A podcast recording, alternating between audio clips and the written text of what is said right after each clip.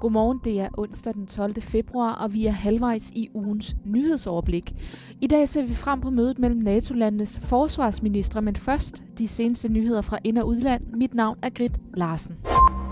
Siden 2016 har Skatteministeriet modtaget 117 advarsler om mangelfuld kontrol af milliardstore områder som selskabsskat, punktafgifter, bilimport og tolv.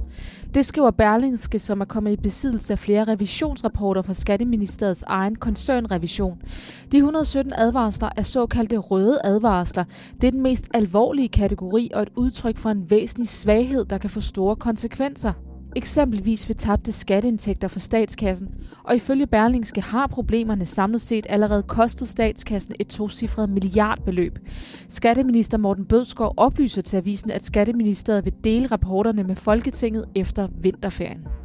Fra dansk til amerikansk politik mens USA's republikanske præsident Donald Trump går efter genvalg på posten, så er demokraterne stadig ved at finde deres kandidat, og kampen spidser til natten til i dag, onsdag dansk tid, var der således primærvalg i delstaten New Hampshire.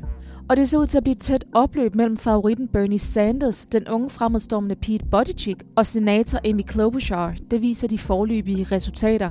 Primærvalgene kulminerer til sommer ved Demokraternes konvent, hvor partiet officielt udpeger sin præsidentkandidat, mens valget om det hvide hus finder sted 3. november. Herhjemme igen, Selvom der findes over 900 forskellige uddannelser, så samler studerende, der kommer ud af gymnasierne med de højeste snit, sig overvejende på enten medicin, jura, statskundskab eller psykologi – det viser et notat fra Uddannelses- og Forskningsministeriet, og der vækker tallene ikke udbredet begejstring hos ministeren på området, Ane Halsbo Jørgensen. Jeg er bekymret for, om det er et udtryk for, at de føler sig presset til det, ud fra sådan en øh, devise om, at man endelig ikke må spille sit snit. Blandt gruppen af ansøgere med høje karaktergennemsnit fra gymnasiet var det blot 5%, der søgte ind på uddannelser som folkeskolelærer, sygeplejerske, pædagog eller socialrådgiver. Jeg ville jo gerne, at der var en oplevelse af reelt at have et frit valg, og at uanset om du havde et højt snit eller lavt snit, så søgte du bredere af alle de mere end 900 videregående uddannelsesvalg, der er, og ikke kun de her fire, vi snæver til. Sagde altså uddannelses- og forskningsminister Ane Halsbo Jørgensen. Der kan formentlig gå op til 18 måneder, før en vaccine mod coronavirus er klar. Det oplyser Verdens Sundhedsorganisation WHO, som erklærede viruset en international sundhedskrise i slutningen af januar. Den største udfordring her nu er at udvikle en vaccine, der ikke giver bivirkninger, som overstiger fordelene. Men efterfølgende melder der sig også en række andre udfordringer.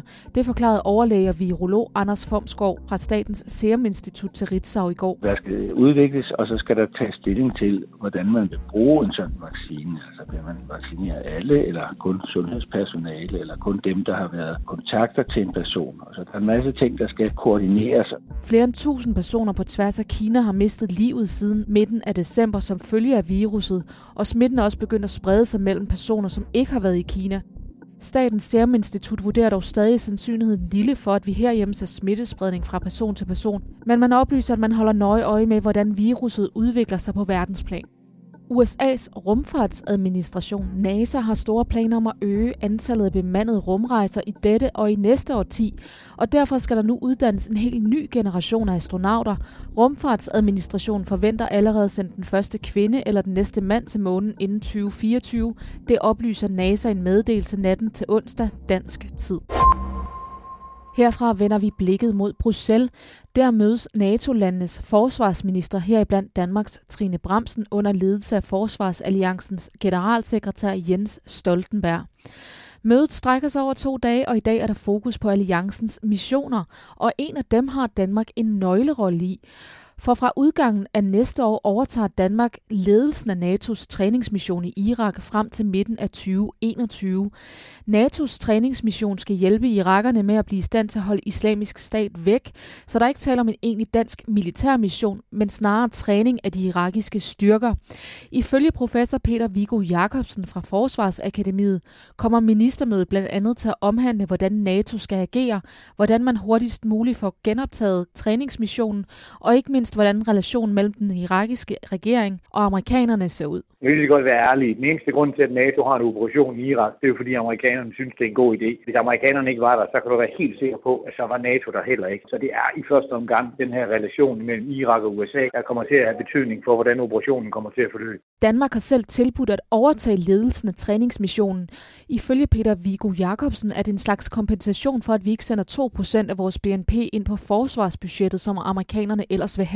Stod umiddelbart før mødet i NATO december sidste år og skulle få en masse skæld ud fra amerikanerne. Så det var vigtigt for Danmark at komme og signalere over for amerikanerne. Det kan godt være, at vi kun vil bruge 1,5% af BNP, men til gengæld så byder vi rigtig meget ind på NATO's operationer. USA forventer og kræver faktisk fortsat, at Danmark hæver bidraget til forsvarsbudgettet fra de 1,5 procent af vores BNP til 2 procent, men den danske beslutning om at lede NATO's træningsmission af irakerne har ifølge Peter Viggo Jacobsen taget brøden af presset for nu. Det ser jo i hvert fald ud som om, det lykkedes. For mig bekendt så bragte Trump ikke de 2% op i det bilaterale møde imellem ham og statsministeren. Foruden den dansk ledede træningsmission skal forsvarsministerne blandt andet også tale om Ruslands nye missilsystem og NATO's tilstedeværelse i Afghanistan. Det fortalte NATO's generalsekretær Jens Stoltenberg på et pressemøde i går. Her er, hvad du ellers skal holde øje med denne onsdag. Vestre Landsret ventes at afslutte ankesagen mod en ganesisk mand, der er idømt tre års fængsel for voldtægt og for voldtægtsforsøg. I byretten slap manden for udvisning, men det har anklagemyndigheden anket. Manden selv har også anket sagen og håber at blive frifundet i landsretten. Og så til noget helt andet, der også sker i dag. I Strasbourg er Europaparlamentet samlet, og her skal de blandt andet stemme om en handelsaftale med Vietnam. Og med de ord til sidst et blik på vejret. Der står den fortsat på en del byer med havl, slud og tøsne. Men der er også mulighed for lidt sol, der kan bringe temperaturen op på mellem 2 og 6 graders varme. Jævn til hård vind fra vest ved kysterne helt op til cooling og risiko for kraftige vindstød. Du lyttede til nyhedsoverblikket onsdag den 12. februar. God dag.